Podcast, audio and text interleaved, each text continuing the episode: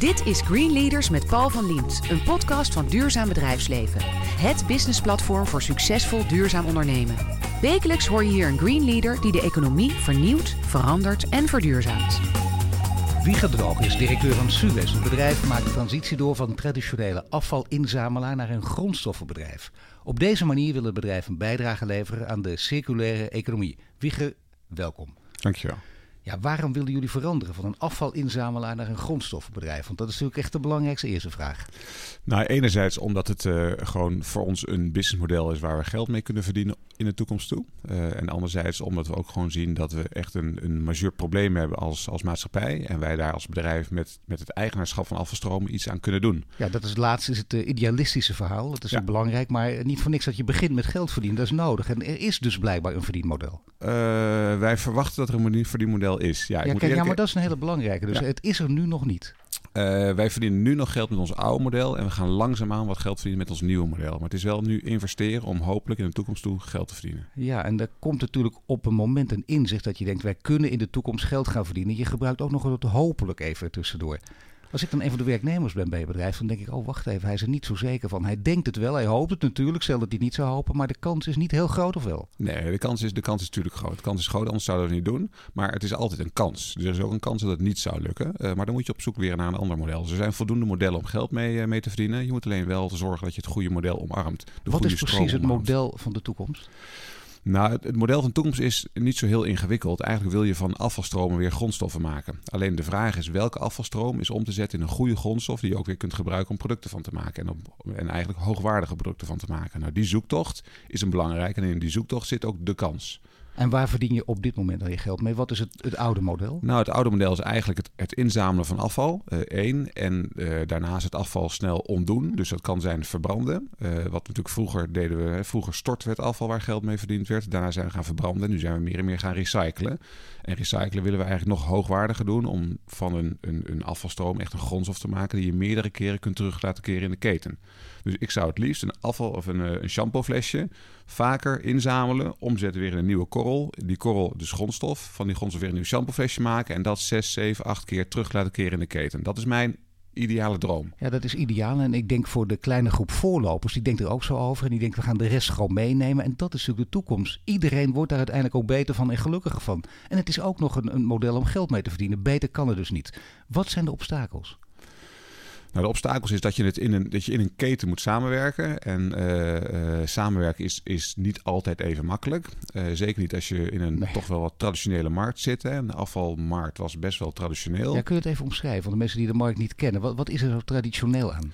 Nou, een, een, voorbeeld. Ik denk dat iedereen het ziet. als je kijkt naar een simpele winkelstraat, dan zie je daar allemaal verschillende afvalcontainers staan. Van allemaal verschillende afvalbedrijven. Dus we rijden ook met zes, zeven verschillende vuilnisauto's de straat in om het afval in te zamelen. Ja. Nou, dan zie je eigenlijk dat wij in het verleden alles zelf hebben gedaan. Dus we hadden ook gedacht dat we het altijd zelf beter konden. Dus echt samenwerken in de keten, vroeger, uh, was lastig, was niet aan de orde. Uh, en dat zie je nu langzaam kantelen. Maar dan moet je wel wat door wat muurtjes heen breken. Maar muurtjes je... hebben die vooral te maken met communicatie. Ik merk het vooral als er iets fout gaat. Hè. Dat merk je de journalistiek altijd. En dan kijken ze wat er fout gaat. En heel vaak valt me op, in welke bedrijfstak ook, gaat het altijd uiteindelijk om de communicatie die niet goed was in het samenwerken. Is dat ook de grootste hobbel, hobbel of niet? Ja, ik denk dat voor communicatie begint eigenlijk vertrouwen. Uh, en misschien gaat het wel hand in hand. Hè. Je zult natuurlijk ook met elkaar ja. moeten communiceren om vertrouwen te bewerkstelligen. Maar vertrouwen is denk ik voor ons de belangrijkste. En vertrouwen bereik je wel door communicatie, met name de open communicatie. Ik denk dat dat voor ons, laten we zeggen, de grootste uitdaging is. En voor mij ook de grootste uitdaging. En ook het leuke is dat je uh, alleen maar kunt samenwerken als je eerlijk bent, transparant bent en kwetsbaar bent. En kwetsbaarheid tonen in een, in een wat conservatieve markt is natuurlijk best wel spannend. Maar waar toon je dan je kwetsbaarheid? Door heel eerlijk te zijn wat je goed kunt, maar nog eerlijker te zijn uh, in wat je niet zo goed kunt en waar je de andere partij voor nodig hebt. Uh, nou, noem eens iets dan, wat, wat je niet goed kunt en waar je anderen voor nodig hebt.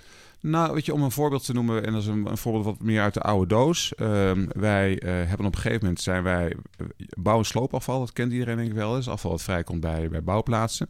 Dat, soort, dat zamel je in en dat ga je daarna sorteren. Wij zijn op een gegeven moment hebben wij gezegd, wij gaan niet onze bestaande sorteringsinstallatie vernieuwen. We stoppen ermee, er is voldoende capaciteit. We gaan vragen onze grootste concurrent of zij het afval voor ons willen sorteren wil niet zeggen dat wij het niet goed konden. Alleen zij hadden een nieuwe installatie staan. Dus zij konden het eigenlijk op dat moment beter. En ze hadden de capaciteit.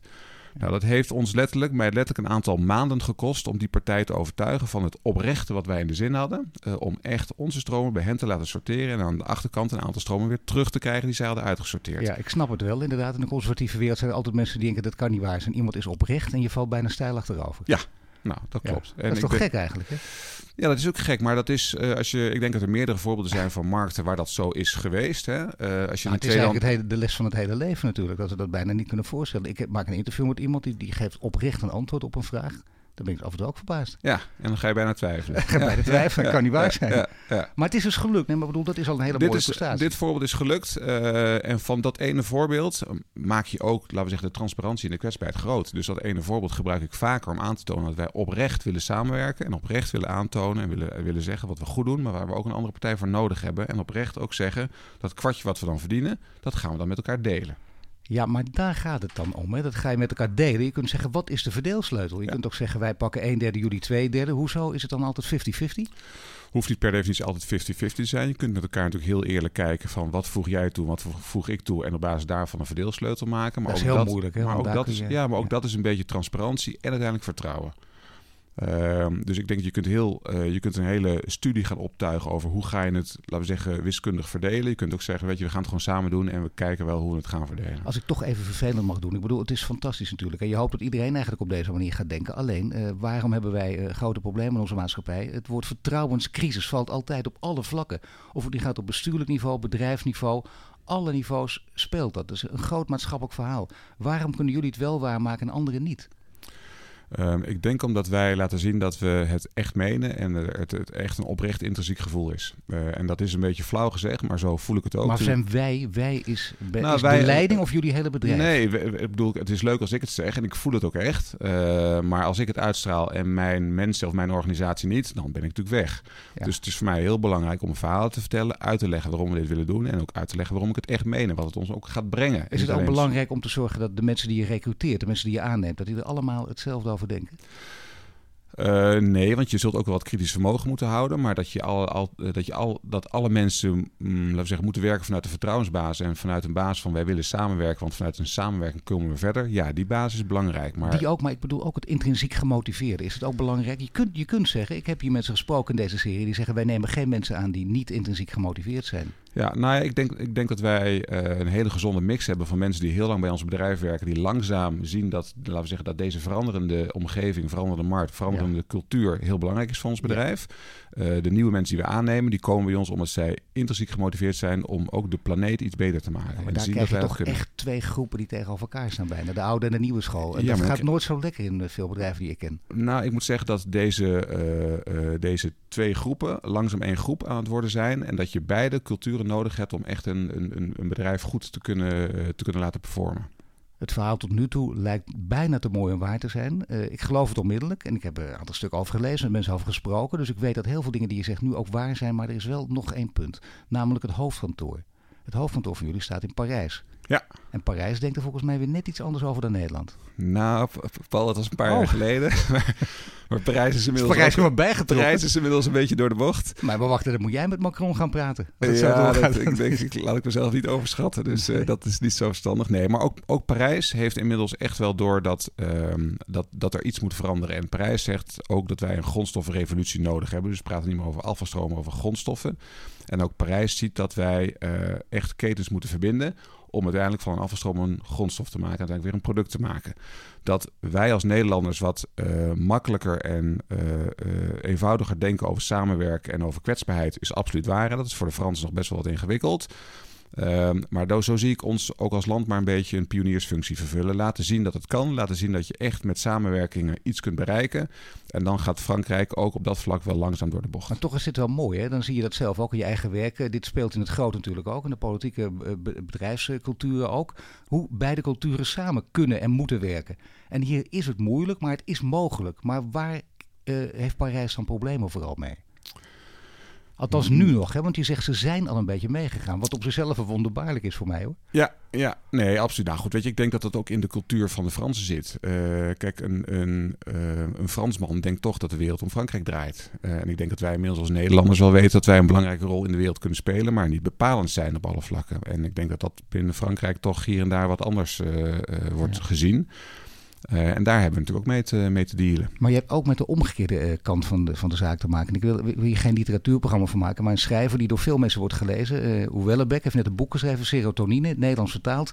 En daarin zegt hij, er gaat een heel stuk gaat over Nederland en Frankrijk. En hij zegt, Nederland is geen land, Nederland is een onderneming. En wij als Frankrijk, heel veel kritiek heeft hij natuurlijk op zijn eigen land, maar wij als Frankrijk staan nog wel eens ergens voor. Met andere woorden, wij hebben ook ruggengraat. En dat is juist een verschil tussen Frankrijk en Nederland, vindt hij in het voordeel van Frankrijk. Merk je ook dat verschil? Uh, Kijk, je nou, kunt zeggen, de kunst van het meebewegen kun je ook, ook te ver doorvoeren. maar dat ben ik wel met je eens. Dat ben ik ja. met je eens. Kijk, wij, uh, wij zullen wel een lange termijn vast moeten houden als Nederland. Een bepaalde strategie moeten, moeten uitdragen en die ook vol, uh, volhouden.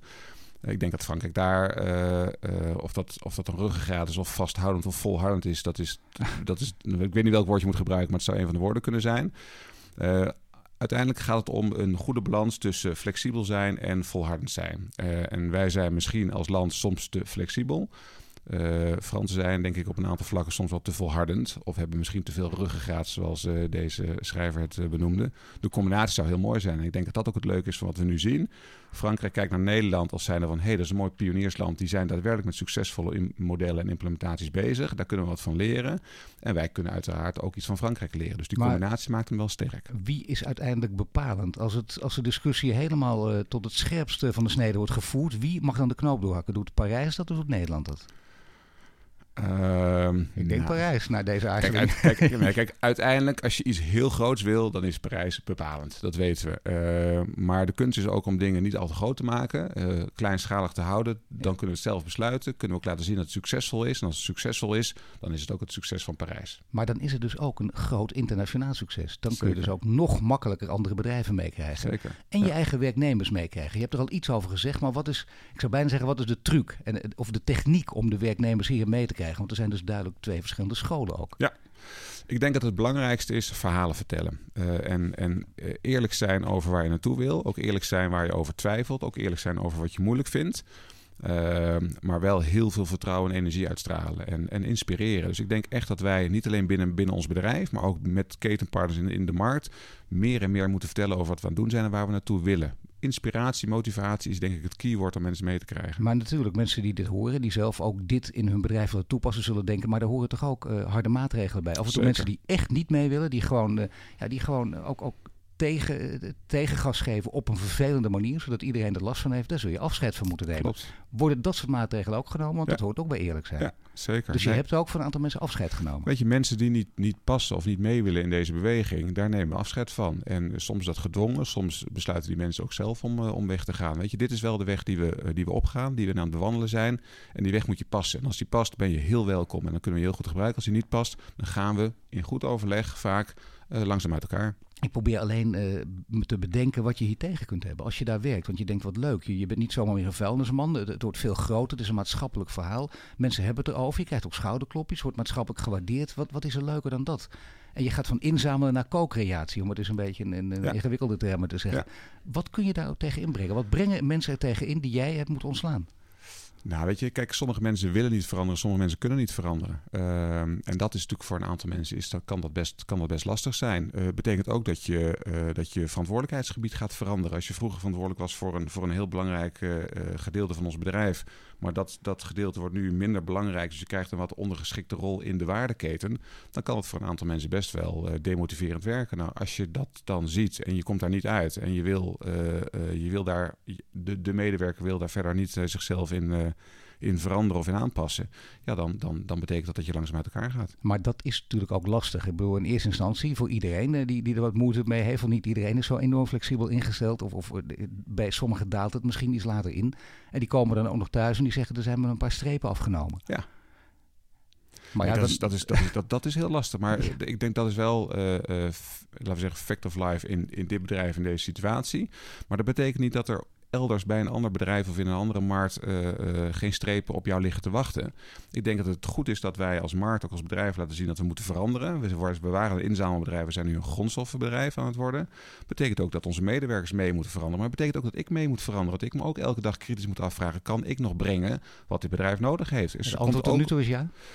Uh, ja, uh, ja, nee, maar dat mag het hopen. Nee, nee, dat, dat mag ik ook hopen. Maar ook daarvoor geldt, ik zit ook al een aantal jaar op deze plek. Ik moet wel kritisch naar mezelf blijven kijken. Kan ik nog steeds die motivatie, die inspiratie brengen uh, naar, naar ons bedrijf en naar mijn medewerkers? Hoe lang zit je nu op deze plek? Ik zit nu acht jaar op deze positie. Dat ja, is best dat lang. is een cruciale periode inderdaad. En meestal is het acht, negen jaar en dan uh, moet je afscheid nemen. Denk je aan iets anders? Nee, ik denk nee. Weet je, dit bedrijf en deze markt is te leuk. Uh, maar uiteraard... Ook in verandering, hè? Dus je bedoel, je bent wel steeds aan, zelf ook aan het veranderen. Je bedrijf is aan het veranderen. Nou, ik ben aan het veranderen, bedrijf is aan het veranderen, mijn team is aan het veranderen. Dus uiteindelijk moeten we zorgen dat we in een veranderende omgeving zitten uh, en voldoende prikkeling en inspiratie van elkaar krijgen. En zolang ik dat krijg en dus ook kan geven, dan past het. Maar op het moment dat ik denk van wacht even, ik zit vast, ik kan het niet meer brengen dan moet ik wel uh, daar conclusies aan verbinden. Ja. Er zit hier nog iets aan vast, namelijk een andere kijk op concurrenten. Uh, concurrenten moet je namelijk meekrijgen. Je moet meer gaan samenwerken. Hoe krijg je dat voor elkaar? Uh, nou, een beetje met het voorbeeld dat ik ook eerder benoemde. Nee, maar los van, van uh, geld delen en we doen het samen, dan denk ik, ja, maar wacht even, hij heeft het steeds over de conculega en uh, ieder krijgt de helft of een verdeelsleutel, maar we zijn ook keiharde concurrent ja, op sommige absoluut, gebieden. Absoluut. Nou, weet je, eerlijk zijn naar elkaar zeggen, weet je, op dit vlak wil ik samenwerken, maar op dat vlak ben ik keihard jouw concurrent.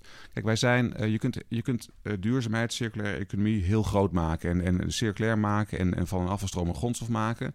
Maar ik had het net over die vuilnisauto's die allemaal hè, dezelfde straten rijden. Wij zijn in Gouda een pilot begonnen waar wij met een witte vuilnisauto het afval inzamelen van onszelf, maar ook van onze grootste concurrent. En daarvan hebben we op een gegeven moment tegen die grootste concurrent gezegd: dit willen wij gaan doen, dit, dit gaan wij doen. Um, zij vonden dat best spannend, ook omdat zij in een wat ander trek zaten intern in in hun bedrijf. Maar uiteindelijk hebben we gezegd, weet je, of je gaat mee of we gaan het met een ander doen. Uh, dus ook af en toe moet je wel een beetje stoer zijn en zeggen, weet je, dit gaan we gewoon doen, dus het is nu kiezen of delen. En toen zijn ze meegegaan en dat is een hartstikke mooi succes geworden. Dus we rijden daar uh, met een witte auto rond, er staan twee kleine logootjes op. We zijn een stuk duurzamer, het is een stuk veiliger in de binnenstad van Gouda, dus er is een één grote win-win. Hier is het duidelijk, ja, dit is inderdaad win-win. Je hoort Wieger Droog, directeur van Suez. En net sprak hij over de omslag die je bedrijf maakt van afvalinzamelaar naar afvalverwerker en grondstoffenbedrijf. En nu praat hij verder over duurzaam leiderschap.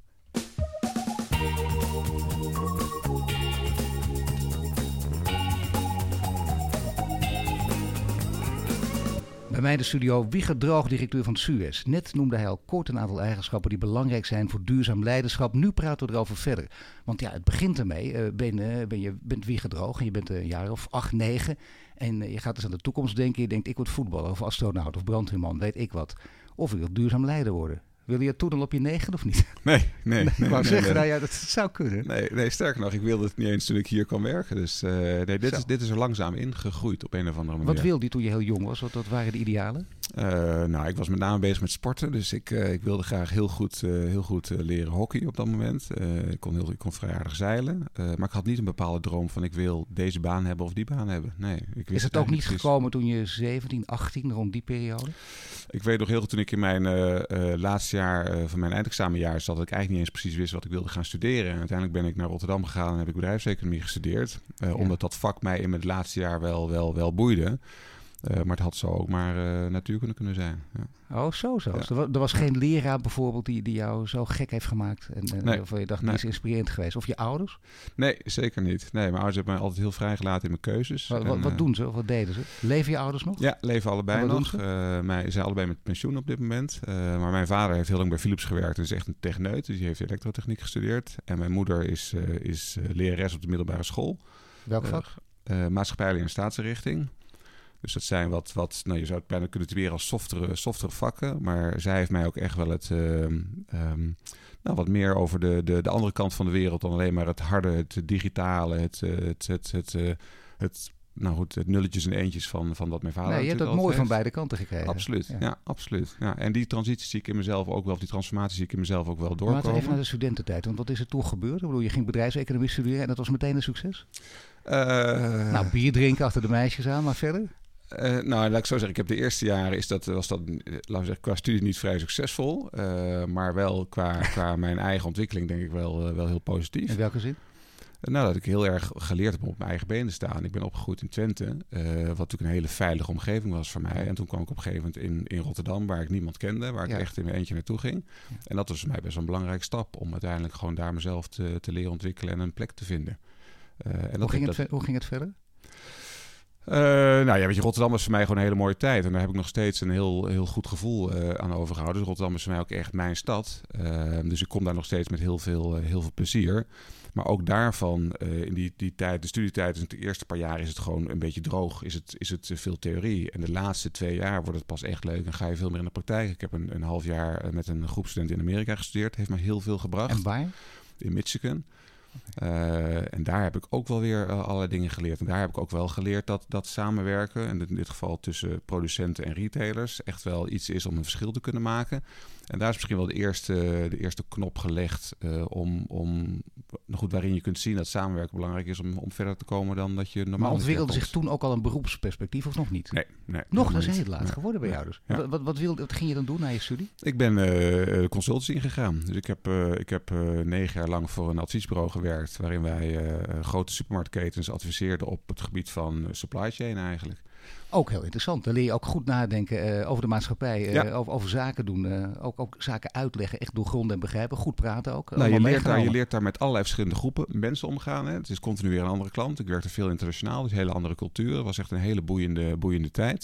Het is natuurlijk heel erg ehm, business-wise. Dus als je het onderaan kunt optellen en er staat onderaan een plus, dan moet je het doen. Hè. Dus dat is natuurlijk heel, heel makkelijk. Nou, voor iemand die best wel, laten we zeggen, een beetje beta-achtig is, is dat natuurlijk heel fijn. Ja.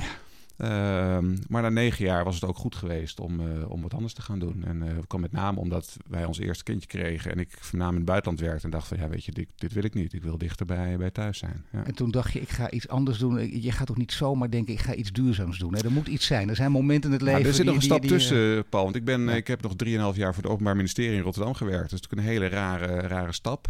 Uh, heb ik ook heel lang over nagedacht of ik dat nou wel ging doen en niet ging doen. Uh, dat was in Rotterdam, dus het paste mij heel goed. Uh, en ik heb daar eigenlijk, dat is voor mij denk ik de eerste stap geweest... waarin ik heb geleerd dat er meer is dan alleen maar bedrijfsmatig denken. Dat wij met die groep echt bezig waren om een veiliger Rotterdam-Rijnmond te bewerkstelligen... En dat er meer is dan alleen maar onderaan de streep staat er een plus. Dus, uh, dus dat was een hele, voor mij een hele boeiende tijd. Voor de duidelijkheid, dit was wel de periode uh, lang na nu. Uh, nu is er van alles aan de hand bij het OM. prachtig rapport van, althans omdat het door buitenstaanders geschreven is, maar niet prachtig voor het OM zelf. Hè? Nee, nee, van alles nee. intern er aan de hand, maar daar had jij nog geen last van in die tijd. nee, toen niet. Maar goed, weet je, een, een openbaar ministerie is ook typisch een orgaan wat, laten we zeggen, bij iedereen op het netvlies staat. En waar het heel fijn van is om rapporten over te schrijven en te zien wat er allemaal niet goed nou, gaat. Nou, maar wel met een echte voorbeeldfunctie.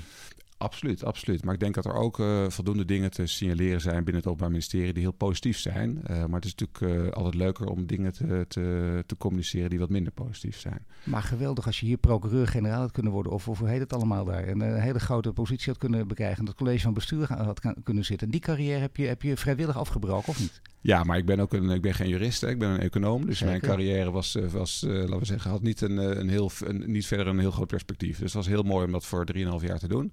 Uh, en toen gingen wij verhuizen van Rotterdam naar Apeldoorn. Dus zocht ik een andere baan. En toen kwam uh, dit bedrijf voorbij. Ja, toen kwam dit bedrijf voorbij? Of, of kwam het... Dus niet, niet het, het geweldige moment van de lichtflits... dat nee. je denkt, ik moet een betere wereld gaan nee, opbouwen. Nee. Het is gewoon een nuchter verhaal. Het is een dit heel kwam toevallig voorbij. Ja, kwam toevallig voorbij. En zo zou ik ook mijn carrière eigenlijk typeren. Dit kwam toevallig voorbij. Ik ken het bedrijf helemaal niet. Het klikte met de mensen. En dat is voor mij denk ik de belangrijkste factor. Als het klikt met de mensen, dan komt het goed. Dan vind ik mijn, mijn plek daar wel. Uh, en dat is nu bijna elf jaar geleden. Uh, wij waren toen nog gewoon een, een, logistiek bedrijf, hadden 1500 vrachtwagens. En gedurende die eerste paar jaar heb ik gezien dat er veel meer op, op aarde is dan alleen maar die vrachtwagens. Dat we echt met afval wel een probleem hebben. En toen is langzaam die vergroenende gedachte bij mij binnengekomen. Ja, dat is toch wel heel mooi, hè? want dan is het totaal alles los van de geiten sokken. Daar wil je ook niets mee te maken hebben. Dat, nee. dat, daar duidt jouw hele achtergrond ook op. En toch ben je langzamerhand wel steeds maatschappelijker geworden. En Ja. maatschappelijker gaan denken. Ja. Is, zijn er ook personen aan te wijzen die daar een, een rol in hebben gespeeld in dat proces? Nee, ik denk de mensen om mij heen. En uh, ik, uh, ik, ik kan niet een moment aanduiden of een persoon aanduiden van... hey, dat is het Eureka-moment waarop ik zei dat, uh, of dacht dat alles anders moest. maar we hebben wel na een aantal jaar hebben we echt gekeken naar... weet je, waar willen we naartoe met dit bedrijf? Wat is de strategie? hebben we nog met name echt gekeken vanuit een businessperspectief. Hè? Ook omdat je ziet dat logistiek is natuurlijk op lange termijn niet echt een verdienmodel. Je moet iets maken, je moet waarde toevoegen. Ja.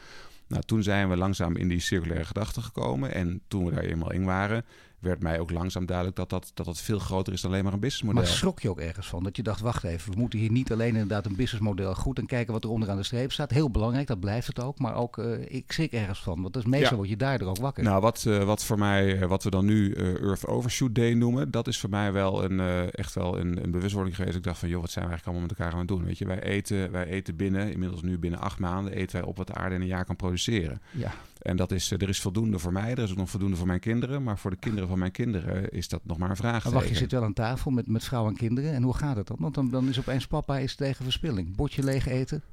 Nou die, nou, die discussie hebben en scheiden van afval, ja, dat klopt. En oh, ik merk ja, echt serieus? Nou, dat lijkt me best lastig. Nou, Hoe oud zijn je kinderen? Mijn kinderen zijn 14 en 12. Nou, moet je kijken, richting puberleeftijd, dan wordt het helemaal... Uh, ja. Nou, maar ik moet zeggen dat, uh, dat mijn kinderen eigenlijk enorme uh, voorstanders zijn van, van dit. Mijn, mijn dochter die doet nu een opdracht op school waarbij zij met een kratje van grondstoffen rondgaat en, en laat zien wat wij van afval kunnen maken. En dat het dus heel belangrijk is dat we afval van, de, van aan de voorkant moeten scheiden. En dat heeft, doet ze niet omdat ik het wil. Ze heeft mij ook niet geïnterviewd. Ze heeft een van de mensen binnen Suus geïnterviewd. Heeft ze zelf georganiseerd. Daar heb ik geen enkele rol in gespeeld. En dan ben ik wel trots om te zien dat zij dat doet. ik wou zeggen, dat is echt het voorbeeld van een geslaagde opvoeding. Dat is heel mooi dat het zo gaat. Dus dat is echt intrinsiek ook. Hè? Ja, ja die, is, uh, die heeft dat ook veel meer dan mijn zoon. Die natuurlijk ook dit ook wel wil. Maar zij heeft echt een bepaalde intrinsieke motivatie. Maar je zit nu in een voorbeeldfunctie. Je bent, je bent nu, zoals het heet, een duurzaam leider. En in deze serie proberen we erachter te komen wat duurzaam leiderschap is. Wat misschien ook een constructie is die helemaal niet bestaat. Maar ik denk het wel. Als ik iedereen nu hoor en iedereen begint er een beetje over na te denken. Leiderschap en duurzaam leiderschap. En het, het past dan samen. Als je iets wil veranderen, wil samenwerken, is het wel handig als je ongeveer weet wat het is. Ja. Kun jij zeggen wat het voor jou inhoudt? Nou, ik denk dat het een combinatie is van, van, van, van dienend leiderschap, van uh, uh, een voorbeeldfunctie goed invullen, van jezelf echt niet op de voorgrond plaatsen, maar anderen op de voorgrond plaatsen. Kwetsbaarheid is voor mij echt een heel belangrijk woord. Je zult echt goed moeten laten zien wat je niet kunt, waar je anderen voor nodig hebt. Uh, dus die, die transparantie is heel, heel belangrijk. Maar wacht even, je wilt toch ook geen softie aan de top hebben? Je wilt toch ook niet iemand die alleen... Want dit klinkt weer... Je, je bent niet zo, dat is duidelijk. Blijkt uit het gesprek en ik zie je ook. En ik heb over je gelezen en ik weet het. Maar aan de andere kant kunnen mensen ook denken... Ja, wacht even. Een dienende man op de achtergrond die zich kwetsbaar opstelt. Ja. Daar walst de ander overheen. Ja. Nou, de mensen die mij kennen, ook mijn organisatie, uh, ziet, ziet mij af en toe in een, in een dubbele functie. Dus je ziet mij af en toe als een persoon die heel hard en heel duidelijk is. Maar ziet ook, heeft ook bij mij emotie gezien. Waar ik op het moment waarin ik echt geraakt word door dingen die mensen tegen mij zeggen.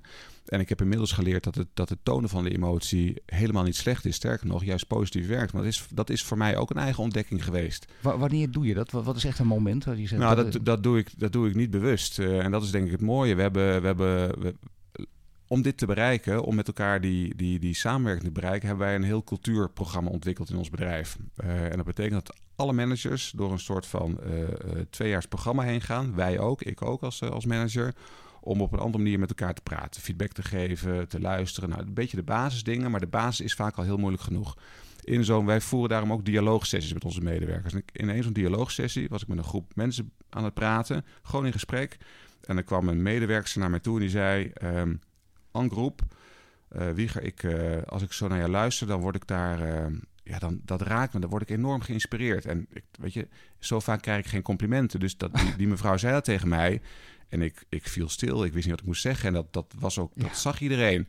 En ik vond het heel lastig, want ik voelde de emotie van binnen. Um, en achteraf heb ik ook teruggekregen dat dat moment niet slecht was, maar juist heel goed was. En zij ook zagen dat de harde wieger, die ik natuurlijk ook af en toe ben, ook een andere kant heeft. Dus weet je, het, ik heb geleerd om emotie, als die binnenkomt, weet je, laat hem dan ook maar naar buiten komen. Zeg, authenticiteit hoort erbij. Maar uh, de andere kant van de emotie, dat heb ik juist geleerd. Je moet af en toe ook, als je nogal wat emotioneel bent, het inhouden. Ja. Als ik in een interview bijvoorbeeld boos word op een politicus die echt uit zijn nek staat te lullen, dan niet meteen de keihard overheen gaan. Nee, maar ook hiervoor geldt balans. En uh, ik denk dat, ja, maar dat is, dat is makkelijk gezegd. Hè? Nee, maar... Uh, en dat is, dat is zoeken. En natuurlijk heb ik, ik heb ook mijn moment dat mensen denken: ja, leuk die, die verhalen over verbindend leiderschap en kwetsbaarheid. En hij is nu gewoon chagrijnig, want hij heeft uh, gisteren verloren waarschijnlijk. En hij heeft nu een bepaalde pet op. Dat, dat ben ik ook. Dus ik ben uh, niks menselijker uh, of niks minder menselijk dan een ander. Dus ik kan dit verhaal goed vertellen en ik geloof er ook in. En op momenten straal ik het ook uit. Maar er zijn ook momenten dat ik gewoon uh, wieger ben met het verkeerde been in het bed. En, en er even anders in zit. Maar ik kan er wel aan, uitgehaald worden. Dan gaf je ook aan bij duurzaam leiderschap hoort natuurlijk ook de harde kant. Namelijk winst maken, omzet draaien, maar ook winst maken. En onderaan de streep kijken wat er gebeurt. Niet alleen, maar ook dat blijft het. Hoe kun je nu, als je waarde aan het toevoegen bent aan de maatschappij. Hoe kun je dat, een, een circulaire economie, hoe kun je dat meten? Hoe kun je daar dan aan meten dat, het, dat je goed, dat je succesvol bent? Nou, uiteindelijk kun je dat natuurlijk ook wel meten aan, uh, aan geld. Hè. Alleen is het, is het anders dan dat het voorheen. Kijk, voorheen hadden we een vrachtwagen en konden we zien, uh, haalde die vrachtwagen voldoende bakken op, leeg die voldoende bakken en heb je aan het eind van de dag geld verdiend.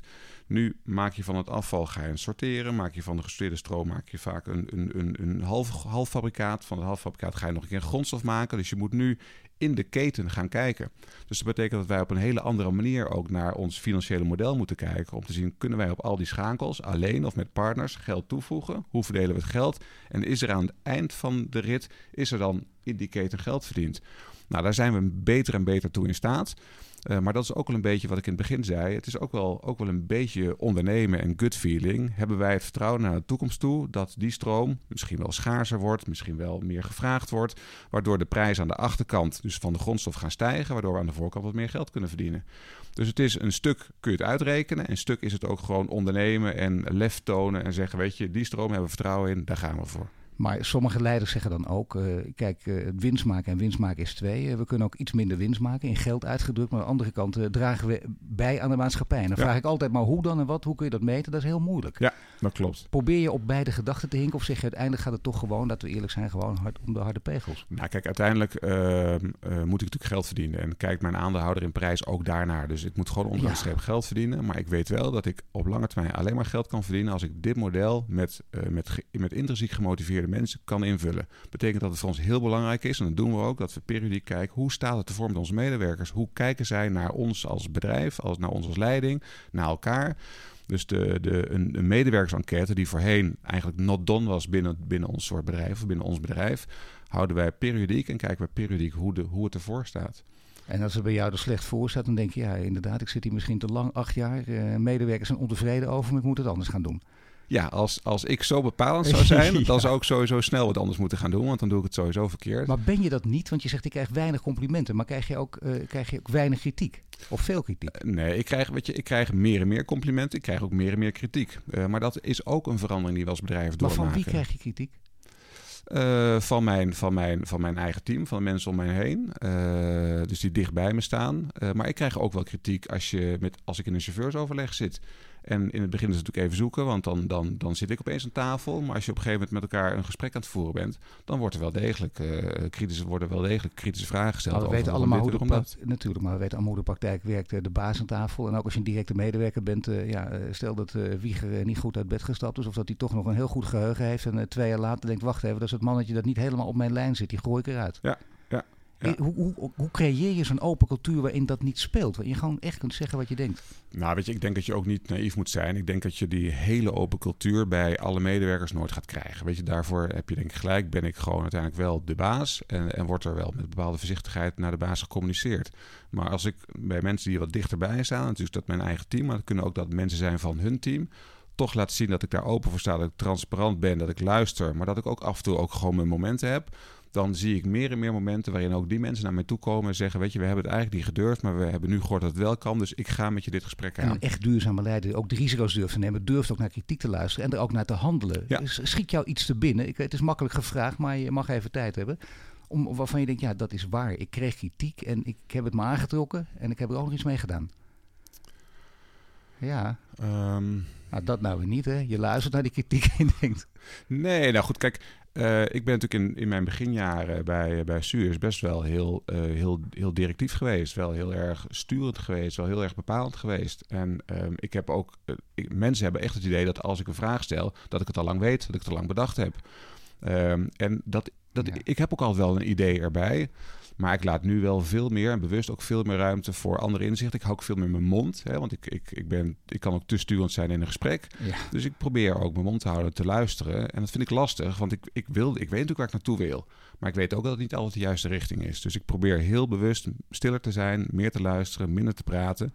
Ehm, en daardoor tot een beter besluit met elkaar te komen. Dus dat, dat merken mensen ook wel. Aan het woord is Wieger Droog van Suez, die toch veel beter kan luisteren. Wat ook fijn is voor dit gesprek. Net spraken we over zijn achtergrond. Nu praten we verder over de manier waarop de circulaire economie in Nederland van de grond komt.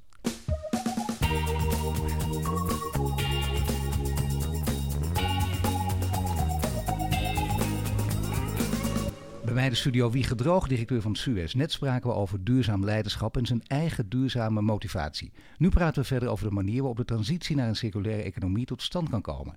Eerder zei je, en ik citeer, dat Nederland alles in zich heeft om een voorloper te zijn op het gebied van de circulaire economie. Wat bedoel je daar precies mee? Want dat zijn grote woorden, hè? voorloper. Vooral tegenover de Fransen in het hoofdkantoor. ja. Nou goed, ik zou de, de strijd met de Frans niet zo, uh, zo groot opzoeken. Maar nee, kijk, ik, onze markt is uh, verder ontwikkeld. Uh, wij, wij, wij storten nauwelijks afval, wij, wij verbranden afval, wij recyclen meer en meer afval. Dus we verbranden ook steeds minder. Dus we zijn als, als, als markt in Nederland zijn we echt wel verder dan de landen om ons heen. Zeker de landen in Zuid-Europa en in andere, op andere continenten. Dus dat is wat we sowieso als voorsprong hebben. Ik denk dat wij als, als als cultuur ook in ons hebben. Dat wij weten dat wij het alleen niet kunnen redden. Dus dat we echt wel moeten samenwerken. Nou, dat we daarin soms te veel polderen, om maar op jouw eerdere vraag terug te komen, ben ik met je eens. Hè? We moeten daar wat minder polderen en wat meer duidelijkheid, uh, duidelijkheid tonen en richting tonen. Maar vanuit die, die oorsprong uh, hebben wij wel heel veel in ons om die stap te kunnen, te, kunnen, te kunnen zetten. Ik denk ook dat wij qua manier waarop wij met anderen omgaan ook echt wel kunnen verbinden. En ook daarvan is natuurlijk zo, uh, wordt ook de andere landen zeggen, ja, maar Nederlanders zijn, zijn directief, zijn, zijn blunt, hè, die, die gooien het er gewoon maar in. En dat is ook zo. Ik denk dat ook door andere landen zo ervaren wordt. Maar als je daarvan bewust bent en je kunt daar ook op een andere manier, kun je dat etaleren. Kun je dus wat, wat nou, zeg maar de nieuwe stijl, de nieuwe cultuur een beetje tonen dan kun je echt een voorloper zijn in deze markt. En maar de nieuwe cultuur wil zeggen, wil harde dingen zeggen, maar met iets meer uh, fluwelen om. Ja, met, met, nou ja, weet je waar we het net over gehad hebben, met iets meer compassie, maar ook door iets meer te luisteren. En dan kun je, als je geluisterd hebt en je kunt de, de argumenten van de ander meenemen in, laten we zeggen, hoe jij erover denkt en daardoor de boodschap wat anders verpakken, of misschien wel een iets andere boodschap brengen, dan ben je wel degelijk ben je anders bezig. Maar dit is sowieso een les voor elke Nederlander bijna. Die uh, op vakantie uh, pik je ze er meteen uit en met de gouden bek ietsje rustig aan doen. Ja. Scheelt ja. toch een stuk, hè? Nee, maar als ik op als ik in het buitenland op vakantie ben en ik hoor een groep Nederlanders langskomen, dan, dan zijn er momenten dat ik me natuurlijk schaam dat ik Nederlander ben. Uh, en er zullen ook ongetwijfeld momenten zijn dat die Nederlanders zich schamen omdat ik toevallig dan ook mijn, uh, mijn, mijn, mijn, mijn Nederlandse modus uh, op heb. Dus ik denk dat wij wel als, natuurlijk zijn wij wie we zijn, moeten we dat vooral houden. Maar we hebben heel veel in ons, ook als we dat hier naar iets bijsturen, om verbindend te zijn, ook naar andere landen toe. Maar vooral dat samenwerken en dat verbinden en dat samenwerken met anderen, dat heb je heel veel benadrukt tijdens dit gesprek. Dat is ook inderdaad de nieuwe manier van werken. Bovendien blijkt die ook te werken. Dat heb je een paar keer aangegeven. De andere kant is dat het ook vertragend kan werken. Dat je denkt, wacht even, samenwerken, dan moeten we op die andere partij wachten. Dat duurt veel te lang, ik wil snel door. Hoe ja. los je dat op? Nou, door de goede partner te kiezen. En dat is natuurlijk niet altijd dat is makkelijk gezegd. Hè? We hebben, ik heb eigenlijk twee, uh, twee vragen die wij, die, waarvan ik ook tegen mijn mensen heb gezegd. Als je die twee vragen met ja kunt beantwoorden, moet je het gaan doen. En dan praat ik over samenwerkers. Eén, kun je waarde toevoegen? Twee, kun je samen het proces versnellen? Nou, als je op allebei de vragen ja kunt antwoorden, gaan. Als je dat niet kunt, moet je het niet doen. En dat moet je echt aan het begin hard onderhandelen. Ik zou bijna zeggen, dan moet je bijna zwart-wit op papier zetten. Nou, ik niet, om het Nederlands te maken. Nee, je hoeft het niet hard te onderhandelen. Het is met name, dat is, weet je, dat is wel gewoon gut feeling en met elkaar daarover praten. Weet je, als je met elkaar kaart gaat onderhandelen, dan is per definitie al vertragend. Het voorbeeld ja. dat ik in het begin gaf over die bouw- en sloopsorteerinstallatie is geen onderhandeling aan ten pas gekomen. We hebben met elkaar een prijs afgesproken en gezegd, we gaan het gewoon doen. En dat we aan het eind van het jaar moeten praten over twee kwartjes, dat zien we dan wel. Ja. En dat hebben we ook zo gedaan. Dus het is vertrouwen, maar wel vertrouwen met een, uh, vanuit een basis. We kunnen waarde toevoegen en we kunnen versnellen. En als dat kan, dan ga je ervoor. En, en ik ook heel dan... mooi dat het goed gaat, maar je leert dus natuurlijk ook van wanneer het misgaat. Dit is Zeker. dus ook een paar keer misgegaan. Dat je denkt, we hebben geen afspraken gemaakt. Wat, wat leer je dan? Uh, dan leer je dat, je dat je nog duidelijker naar elkaar moet zijn over wat is jouw rol, wat is mijn rol. Uh, dat je nog duidelijker moet zijn om echt de keten in kaart te brengen en te zeggen, hebben wij al die schakels in die keten, hebben die met elkaar afgedekt? Want het is natuurlijk heel mooi wat wij ook gedaan hebben. We hebben, we hebben van oude afvalresten hebben we nieuwe verf gemaakt met een, met een partner. Ja. Aan het eind hadden we die bussen met verf, maar ja. we hadden niet nagedacht over wie die verf ging verkopen. Ja. best wel dom. Ik net nou, zeggen. Dus, uh, dus goed ook, je zelf zegt dus, Nou ja, goed. En dat soort voorbeelden, want dat is natuurlijk mij aan te rekenen. heb ik niet over nagedacht. Je bent zo bezig met het technische aspect van, weet je, we hebben een oplossing voor een probleem. We kunnen het met elkaar invullen. Alleen het daadwerkelijk verkopen van dat product, dat was, uh, nou goed, dat was iets wat we over het hoofd hadden gezien, laat ik het zo zeggen. En dat hebben we niet één keer gedaan, dat hebben we twee keer gedaan met twee stromen. Dus een ezel in dit geval stoot zich ook nog eens een keer twee keer aan dezelfde steen. Maar het is heel goed om ook aan mijn mensen te laten zien dat dat mij wel is overkomen, ons is overkomen. En, en, en dat je daar dus van moet leren. Dus met elkaar heel eerlijk zijn, wat voor rol heb je in die keten? Kun je alles met elkaar afdekken? Uh, en wat is de verwachting van jou en wat is mijn verwachting? Uh, dat is wel een hele belangrijke eerste stap. En daar zijn wij door schade en schande zijn we er ook wijs van geworden. Ja, net is een heel, inderdaad een eerlijk voorbeeld. Uh, hoe helpt de Suez bedrijven, graag ook hier eerlijk, hè, die aan de slag willen met verduurzaming van hun afvalstromen? Want dan ben je ook duidelijk tegenover ja. elkaar. Hoe doe je dat? Nou, ook, ook daarvoor geldt dat wij inmiddels een, een, een hele groep mensen bij ons hebben werken die niet bezig zijn met de inzaming, niet bezig zijn met het, met het leiden van de fabriek en dergelijke, maar heel erg bezig zijn met het samenwerken met de klant, dus het adviseren van de klant. Kijken naar welke afvalstromen hebben zij, komen die vrij? Kunnen we voorkomen dat die afvalstromen vrijkomen? Kunnen we ervoor zorgen dat die afvalstromen die dan nog beperkt vrijkomen, dat we daar iets van kunnen maken? Een, een, een, een halffabrikaat, een grondstof. Dus wij zijn steeds meer, consultant vind ik het verkeerde woord, want dat is niet wat, ik, wat we willen dat zijn. Was je? Dat was ik. Uh, maar wij zijn meer en meer adviseurs, uh, maar daadwerkelijk meewerkende adviseurs bij onze klant om na te kijken, om na te denken en te kijken naar het verminderen van afvalstromen. En te kijken of je een aantal afvalstromen dat toch nog, laten we zeggen, uh, beschikbaar komt. Of je dat op een hoogwaardige manier kunt, uh, kunt verwerken. Maar dit past ook, denk ik, echt in een veranderende wereld. Dat dat ook steeds meer het verdienmodel gaat worden. Dat je dus juist een, een meewerkend adviseur bent. Nou, en, dat is, en dat is ook leuk. Weet je, dat is ook ja. het mooie waar, wat, je, wat je aan je mensen kunt aangeven. Nee, weet je, de wereld gaat veranderen, maar de wereld gaat ook leuk veranderen. Vroeger sprak ja. je met een klant over afvalstromen, over containers en over frequenties van inzamelen. Nu praat je over, wacht even, kunnen we die stroom reduceren? Kunnen we van die stroom iets anders maken? Misschien kunnen we het wel weer terugvoeren als een grondstof in jouw eigen productieproces. Nou, dat zijn natuurlijk fantastische dingen om nee, over ik snap na te het denken. heel goed. Hè. Dit, is, dit is heel moeilijk, want je wil het niet alleen maar van bovenop leggen, maar toch mensen moeten duidelijk worden gemaakt dat dit echt ook interessanter is. Dat Ja. het werk Ja. gewoon spannender maakt. Ja. Ja. En ze blijven ook hetzelfde verdienen, misschien wel meer. Toch ook belangrijk. Kijk, voor het, het, het, eh, het mooie is dat je ziet dat je door dit soort nieuwe banen ook andere carrièreperspectieven krijgt. Dus dat is zo, ja. ja. In deze reeks heb ik eh, gesproken ook met uh, Arie Koorneef. Hij is, eh, hij is de baas van, van de ASN-bank en die heeft een vraag voor jou. Eh, ik heb een vraag voor eh Wiege Droog van eh, Suez. Eh, Suez wil net als ASN-bank eh, plastic verpakkingen verminderen en eh, beter hoogwaardig recyclen. En de rol van de grondstoffenverwerker is daarin eh, heel helder, denk ik. Maar we zien ook wel een rol voor ons als bank. En hoe kijkt de heer Droog daarnaar? Wat kan de ASN-bank volgens u het beste doen om negatieve impact van plastic verpakkingen te verminderen? Nou, dat, ik denk op, op, een aantal, op een aantal fronten. Ik denk in eerste instantie kun je ook met je eigen medewerkers eh, eh, potentieel kijken naar hoe kunnen wij ervoor zorgen dat wij als bedrijf minder kunststof verbruiken. En als we het al verbruiken, dat we het eh, apart houden, sorteren en, en laten we zeggen op een hoogwaardige manier kunnen afzetten, waardoor wij er weer iets van kunnen maken. Dat is één. Twee, als je kijkt naar de kunststofmarkt, is dat een markt die enorm in beweging is. Daar, weet je, we, we zamelen heel veel kunststof in. Hè? Alle huishoudens houden het bij wijze van spreken op dit moment apart. En dat sorteren we en dat kunnen we weer omzetten naar, naar grondstoffen.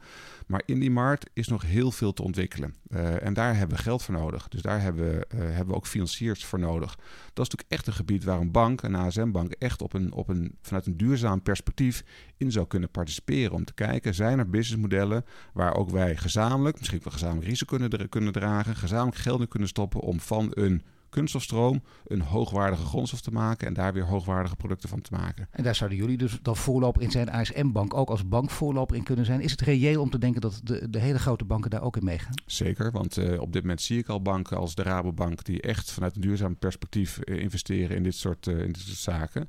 En ook ons of onze joint ventures geld lenen, doet ABN AMRO overigens ook, geld lenen om, uh, om, laten we zeggen, nieuwe installaties neer te zetten, waardoor we op een hoogwaardige manier grondstoffen kunnen produceren. Heeft de overheid ook grote ambities? Hè? In 2050 wil de overheid dat de Nederlandse economie circulair is. 2050, dat is heel ver weg. En dat is, vind ik ook bijvoorbeeld in dit soort interviews en gesprekken heel moeilijk, want 2050 is heel lang. Dan kun je makkelijk iets roepen, dan kun je toch niet checken. Ik ga niet over 20 jaar, 25 jaar nog eens bellen, heb je het gedaan? Is dit het perspectief te ver weg geplaatst? Moet dat dichterbij?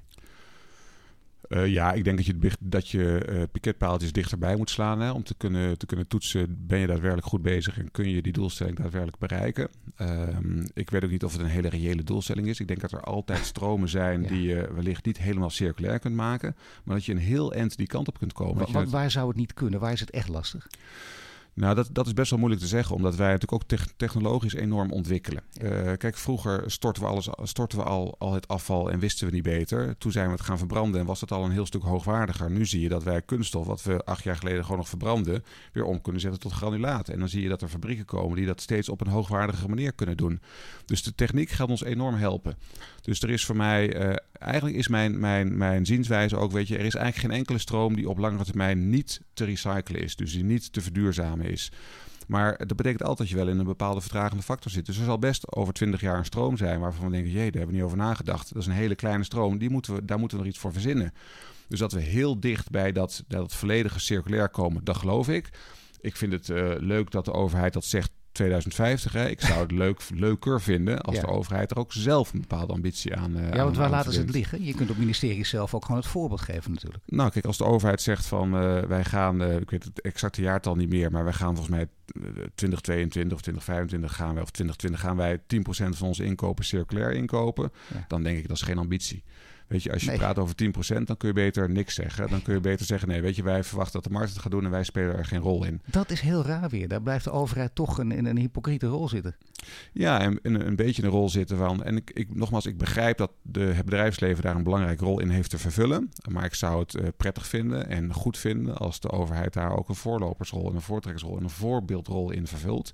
En dat kan ze doen door ook daadwerkelijk te zeggen: nee, wij gaan zelf als overheid het op die manier invullen. En daar mag best wel wat meer ambitie getoond. Is het voor iedereen wel duidelijk wat dat circulair precies is? Voor ons wel, zeker na dit gesprek. En in deze wereld is het wel bekend, maar toch, je ziet ook in die circulaire wereld dat men elkaar vliegen afvangt. De een is nog, uh, nou, laten we zeggen, roomser dan de paus aan de ander. Houdt dat ook wat tegen? Als je juist wil samenwerken en gezamenlijk wil optrekken? Nou, ik moet zeggen, ik zie dat niet. Ik, ik, ik begrijp wel wat je bedoelt, maar ja. ik, dat is voor mij echt een. Uh, een, een uh, nou goed, een kleine waas zou ik maar bijna zeggen. Ik denk dat er veel meer partijen die echt oprecht en intrinsiek gemotiveerd zijn om het wel te doen. Uh, en die zijn voor mij veel sterker dan die paar partijen die elkaar mogelijk vliegen afvangen. Dus het verhaal van de shampooflesjes kun je bijna overal op toepassen. Van de shampooflesje is, uh, was eerst uh, gewoon alleen maar, nou, werd weggewerkt, werd ingezameld ja. en daar zijn we vanaf. En nu kun je het acht tot negen keer opnieuw gaan gebruiken. Dat kun je met bijna alle producten. Nou, zo simpel mogelijk te stellen. Ja, kijk, dat shampooflesje dat lukt nog niet op acht, negen keer. Nee, hè? Dus maar dat is, maar dat is, ja, dat, die ambitie is er. En ik denk dat je die ambitie op, op bijna alle stromen zou moeten tonen. Uh, en dat je op lange termijn met de technologie dat ook echt daadwerkelijk kunt bewerkstelligen. Absoluut. Ja. En verspilling op alle gebieden tegengaan. En dat blijft toch lastig. Het goede voorbeeld geven. En ja, we hebben allemaal in ons dat we wel eens verspillen. Ik kan van mezelf tien voorbeelden geven. Kun jij van jezelf ook één voorbeeld geven? Je denkt, ja, daar ben ik toch, daar blijf ik een verspiller in. Maar als ik kijk hoeveel eten wij thuis maken en toch ook weer weggooien, omdat we niet ja. met elkaar opeten, dat is echt ongekend. En uh, uh, dus daar verspillen we in. Als ik kijk hoe snel mijn plastic container vol zit ten opzichte van mijn restafvalcontainer, is het ongekend hoeveel verpakkingsafval en materiaal wij dus gebruiken. En ook ik als, als persoon, maar wij als gezin verbruiken. Ja. Dus we hebben echt nog wel stappen te zetten. En maar je staat in een winkel ook. en er wordt een cadeau prachtig ingepakt. Het is een geweldig cadeau voor, weet ik wat, voor een verjaardag of voor moederdag of wat dan ook. En je geeft dat aan iemand. En dan opeens ga je dan zeggen, nou ik hoef die mooie sticker niet omheen. En die mooie verpakking en die mooie doos hoef ik niet meer. Dat ja. wordt zomaar mee. Ja, nou ik heb wel vaker, maar dat is ook, dat is ook praktisch van aard. Dat ik uh, als ik iets koop in de winkel, dat ik zeg, nou weet je, laat de doos maar hier. Ik neem het product al mee. Ja. Maar dat is, dat is duurzaam, maar dat is ook praktisch. Hè? Want ja. dan zit ik thuis weer met die doos. En dan moet ik het thuis weer in de papiercontainer gooien. Uh, waarbij papier dan wel weer een mooi voorbeeld is van een stroom die daadwerkelijk circulair is. Hè. Van, van, van oud papier maken we weer nieuw papier.